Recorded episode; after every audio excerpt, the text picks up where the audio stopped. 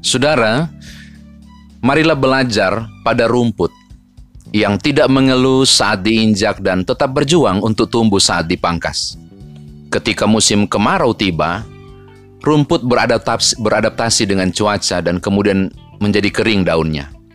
Tetapi akar pada rumput yang berbentuk umbi kecil di dalam tanah tidak mati. Rumput dengan sabar menanti musim penghujan datang. Dan ketika waktunya tiba, ia kembali menghijau indah. Lalu kapankah rumput menyerah?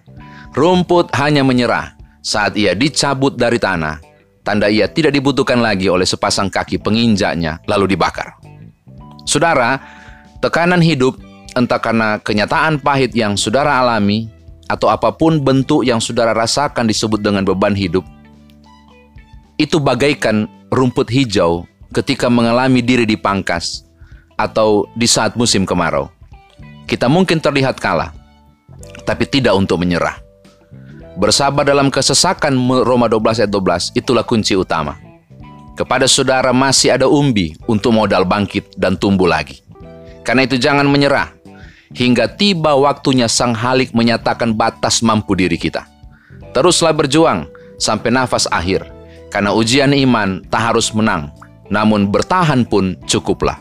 Karena Markus pasal 13 ayat 13 berkata, mereka yang bertahan hingga kesudahan akan diselamatkan. Tuhan menolong saya dan saudara. Saya Pendeta Nyoman Jepun menyampaikan salam.